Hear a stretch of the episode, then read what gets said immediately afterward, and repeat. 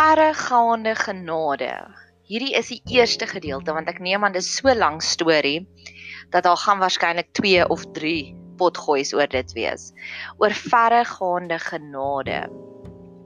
Dalk het jy ook 'n week soos ek gehad. Ek weet nie of jy al ooit sulke ongelooflike intense weke ervaar nie. Hierdie is week 33 van die jaar 2019 en dis my interessant om op te merk dat Jesus was 33 jaar hier op die aarde en hierdie was regtig waar vir my so 'n verskriklike intense week. Dit was 'n week met intense traumas, maar ook 'n week met intense lekkerte, intense manifestering van God se genade en God se teenwoordigheid. Daar's 'n verhaal in die heel in die begin van die Bybel met Isak wat Isak het baie bokke, beeste, skape, eselinne, donkies en kamele gehad en hy moes 'n put grawe sodat al hierdie bokke, beeste, skape, eselinne, donkies en kamele kon water drink. En die eerste put wat hy gegrawe het, het die Filistyne gekom en gesê jy mag nie hier 'n put grawe nie. Toe noem hy die put Esek. En Esek beteken onmin. So ek weet nie of jy al ooit ervaar daar is 'n storm in jou hart soos wat Andre het sing nie. En dit is my my probeerslag om al hierdie putte name te gee want ek glo dat die Bybel sê oor en oor net die dinge wat aan die lig is kan genesing kry. Ons moet labels op ons no probleme sit. Ons moet name op ons probleme sit. So die eerste put se naam was Esek. Daar's 'n storm in my. En dis interessant as 'n mens bietjie gaan navorsing doen toe Rebekka swanger was met Esau en Jakob, die tweeling. Toe sê die Bybel skryf daarso in Genesis 25 vers 22 en die kinders het teen mekaar gestoot binne in hom. Nou as jy gaan kyk wat is daai Hebreëse woord? Die Hebreëse woord daar is ratsats. Ratsats. Ja. En daai selfde woord word gebruik later aan in Rigters 9 vers 53 waar iemand iemand anders se skedel in mekaar slaan. So daar was so intense storm binne in haar dat dit gevoel soos wat dit later vir iemand gevoel het toe iemand iemand anders se se skedel in mekaar ingeslaan het. So dalk is jy ook nou op hierdie punt van esek. Daar's onmin binne in jou. Daar's hierdie storm binne in jou wat woed. En dis wat ek gevoel het vroeër hierdie week. Ek gevoel hier is al die storms, Here. Ek ek is blootgestel aan al die ongelooflike intense lewensveranderende traumas. Gelukkig tweedehands, meeste van dit. Maar sommige van dit was my my eie persoonlike traumas ook. En die volgende put wat Isak Isak gaan grou het nadat die Filistyne so verskriklik met hom onmin gehad het, nadat hy hierdie storm in sy hart gehad het binne in hom, was die volgende put Sitna. En daardie put se naam beteken konflik. So baie keer kom daar 'n bietjie onmin, daar kom 'n storm in jou hart en dan veroorsaak dit konflik, dalk innerlike konflik dalk hierdie risie binne in jou van is ek goed genoeg, is ek nie goed genoeg nie, wat het ek verkeerd gedoen om hierdie te kry? Of dis dalk konflik met mense rondom jou en hy het daai put genoem Sitna. En dit het hy aangehou en hy die derde put gaan grawe. En die derde put het die, die Filistyne hom uitgelos en toe noem hy daai put Rehoboth. En Rehoboth beteken God het vir my spasie gegee. God het vir my ruimte gegee. En dis daardie plek waar ek nou ver oggend is, Vrydagoggend. Ek het 'n diep sug gevat en ek het breathing space gehad om alles te gaan neerskryf. Al my sitnas, al my eseks te gaan neerskryf en ek het gesê be still and know that I am Lord for myself. Om te sê vat hierdie oomblik Nadia en debrief jouself. En dalk is dit waar jy ook tans is. Jy het hierdie intense tydperk in jou lewe gehad, dinge wat regtig woes verkeerd geloop het, maar ek glo met my hele hart, die Here is naby die gebrokenis van harte. En hy is naby in ons, juis wanneer ons in daai esek oomblikke is waar ons daar in daai intense konflik is, die soos wat Rebecca gehad het die radstads. Daar's hierdie innerlike konflik binne in jou. Ag hierdie innerlike storm binne in jou wat lei tot die konflik sit na. En ek wil op hierdie punt wil ek stil raak en sê ek is so dankbaar. Ek kan nie vir God uitbrand nie. Ek is so dankbaar daarvoor want toe ek ver oggend gaan reflekteer het oor dit alles te besef ek ek het nie alles vir een persoon in my lewe vertel nie. Ek het stukkies vir almal vertel om te sê dis wat gebeur het en dis wat gebeur het, maar vanoggend toe ek gaan stil raak het en ek besef wat het alles hierdie week gebeur. Dit is net so ongelooflik intensief en ek so dankbaar. En hierdie is 'n uitroep na my een vriendin toe. Ek en sy het al gereeld hierdie gesprek gehad want ons is so dankbaar ons kan nie vir God uitbrand nie. En al is dit al wat jy huis toe vat van hierdie pot gooi af is om net te sê ek kan nie vir God uitbrand nie. Ek kan nie te veel van my traumas vir God gaan gee nie. En ek kan ook nie te veel vir God dankie sê vir al die ongelooflike Rehoboth oomblikke waar God net vir my breathing space gegee het. Waar God net vir my daai deurslag gegee het. Um ja, so ek wil graag bietjie gaan uitbrei. Die die die potgooi se naam is Verregaande Genade. Want ons het 'n bediening en tydens die bediening het hierdie week het ek die liedjie Outrageous Grace vir iemand gespeel en dis waar ek nou voel. Is ek voel there's a lot of hurt, but there's a lot more healing. En dan sing die persoon, "Oh what outrageous grace." En dis hoe ek nou voel. Verregaande genade. Want hierso is 'n vinnige kykie oor alles wat gebeur het hierdie week in my lewe. Een van my spanlede sukkel al vir 'n geruime tyd met die griep. En sy sê sy het eers vir my gesê sy gaan nie kan kom bedien nie want sy's bang sy hoes. En later het sy gesê sy hoes en ek het ook in vir die Here gevra, ek weet sy het so 'n intieme pad met die Here. Hoekom bly sy so lank siek? Die tweede trauma was ek het hierdie verlore seun oomblik in my lewe. Ek het hierdie onopgeloste trauma in my lewe van iemand wat besluit het hulle wil wegtrek van my af op 'n emosionele vlak en ek voel soos die pappa in die verlore seun gelykenis wat ek hou die hele dag die pad dop om net te hoop dat hierdie persoon kom terug na my toe. En dis onopgeklaar en dis 'n trauma vir my. En dalk is jy ook in daai situasie waar daar's iemand vir wie jy baie geïnvesteer het in en hulle hou net aan wegtrek. Hulle hou net aan verder en verder wegtrek.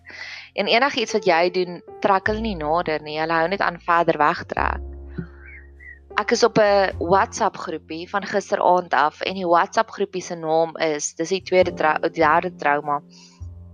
Die persoon se naam, kom ons sê sommer dis Jannie se tumor groepie. En ek dink dit vir myself, Here, hoe het ek op hierdie punt beland dat dit is algemeen, dis okay, dit is aanvaarbaar om op hierdie WhatsApp groepie te wees.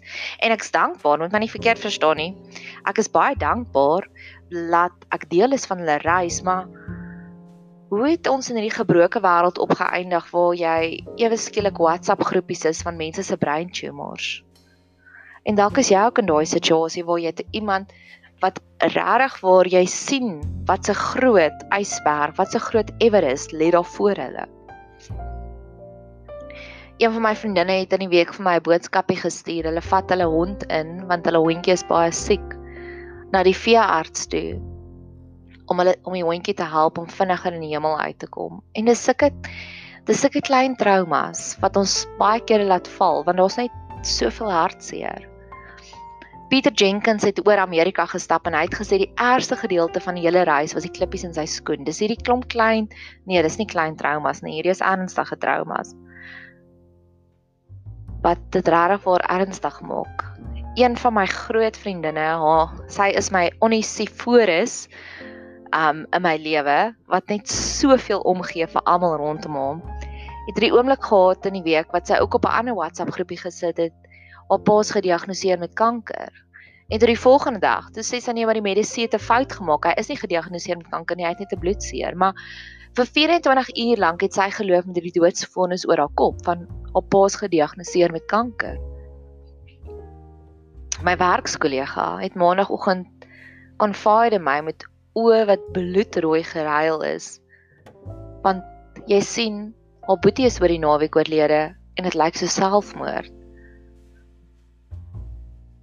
My ander vriendin, want sy is ook een van my spanlede, is besig met 'n nadat sy baie intensief bedien het die hele week by Betsewer is sy besig om haar huis voor te berei want een van haar familielede se been is afgesny en geamputeer in die week as gevolg van 'n medisinale siekte.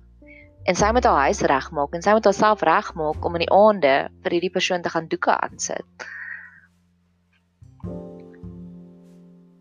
Sondag aand het ons gegaan vir 'n radio-onderhoud en ek's baie dankbaar daarvoor. Maar op dieselfde oomblik wat ons in ons kar heel Jola gery het om hoop te gaan versprei van ons gemeenskap af in die stad in, het 'n ander pragtige prinsesie in haar kar geklim van die stad af en ingery in ons gemeenskap in om haar eie lewe te neem.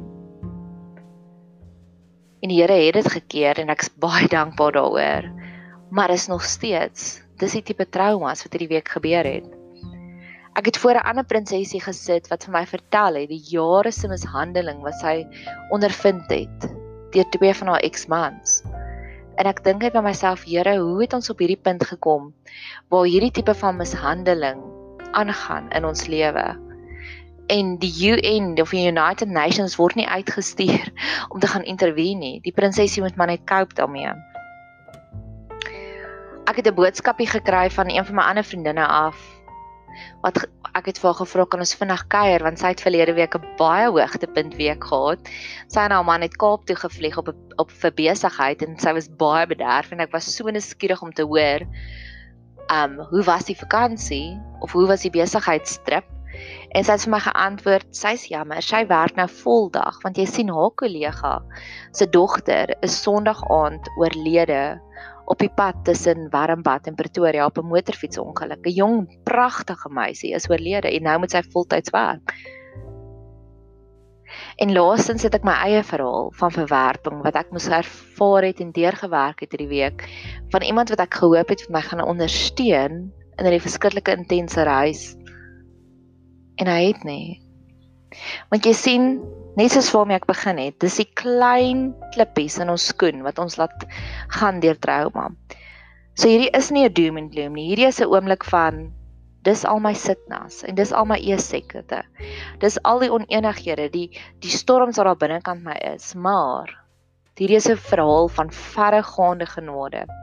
Van hoe God net gekom het en soveel genade oor my uitgestort het in hierdie verskriklike intense week. Wanneer ek met vakansie gaan saam met vriende en vriendinne, is dit gewoonlik my gewoonte om 'n video show te maak. Ek het 'n app wat 'n video show maak en dan sal ek gewoonlik al die lekkerste en die mooiste foto's vat en dit in 'n collage sit en dit dan vir hulle deurstuur met 'n mooi liedjie daarbey. En hierdie is my vir my klein vermoë na God toe om te sê dankie vir al die genade wat U vir my gegee het in hierdie week. Dis my video show om net te sê dankie. En hopelik met die eerste gedeelte, die slegte gedeelte waar ek al hierdie e-seks en sitnas gaan lys het voor God, kon jy ook aanklank gevind het. Kon jy ook gevoel het maar ek werk ook tans deur hierdie trauma. En Jesus wil ek net wil dankie sê vir die Here en ek wil dit sommer omdraai in 'n gebed. Dalk is dit enige een van hierdie boonstes wat jy nou ook voel jy deurwerk. En dalk, net dalk kan God ook vir jou kom bedien soos wat hy vir my bedien het hierdie week. Woensdagoggend het ek wakker geword met hierdie woorde wat in my kop gedraai het. I keep it all together. Dit staan in Kolossense 1:17 staan daar net so oomblik ek blaai gou so intoe want dis waarna dit my dadelik gedink het Louis Giglio doen hierdie fantastiese preek oor laminin. En die belofte in Kolossense is As ek hom net kan kry, Kolossense 1 vers 17 is en hy Jesus is voor alle dinge in en in hom hou alle dinge stand. I keep it all together. Dis wat ek gehoor het Woensdagoggend vroeg toe ek wakker geword het. En wat gebeur het by die bediening by Bet Sewer? Die ons het twee gaste gehad wat die hele week by ons kom kuier het. En vanoggend terwyl ek so na al die voice notes luister, kon ek al die dots connect om te sien wat het God vir my Woensdagoggend gesê. Want jy sien, ons is 'n groot span wat met hulle kom werk en ons sê nie voor die tyd wat gaan ons behandel nie. Maar elkeen van ons het dieselfde ritme gehad waarmee ons met hulle gesels het.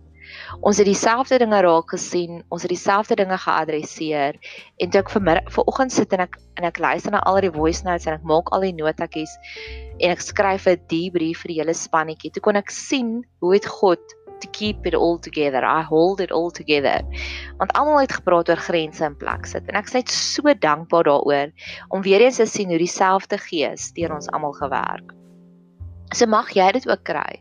As jy dalk tans sukkel met 'n hindernis in jou lewe, dat die advies wat almal vir jou gee, dat dit net alles so mooi by mekaar kom en dat jy dubbel bevestigings kry. Want ek het iewers gelees dat ons het omtrent 7 nuwe um ons het 7 geleenthede nodig aan blootstelling voordat iets werklik waar insink in ons gees in.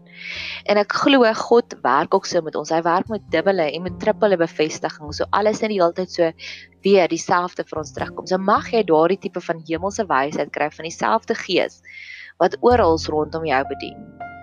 Die tweede oomblik waarvoor ek baie dankbaar is. Ek het al gehoor en of dit net 'n conspiracy theory is en of dit die waarheid is, ek weet nie, maar ek hou van hierdie storie. Tussen die Amerikaanse president en die Russiese president is daar 'n telefoonlyn en die telefoonlyn het 'n rooi telefoon aan albei kante. So in die kantoor van die pres Amerikaanse president en in die kantoor van die Russiese president is daar hierdie rooi telefoon. En die rooi telefoon is altyd geaktiveer. Hulle het altyd 'n oop lyn. So as daar enigiets dringend is, dan tel hulle die foon op en hulle kan dadelik met die ander persoon praat, met die ander president praat.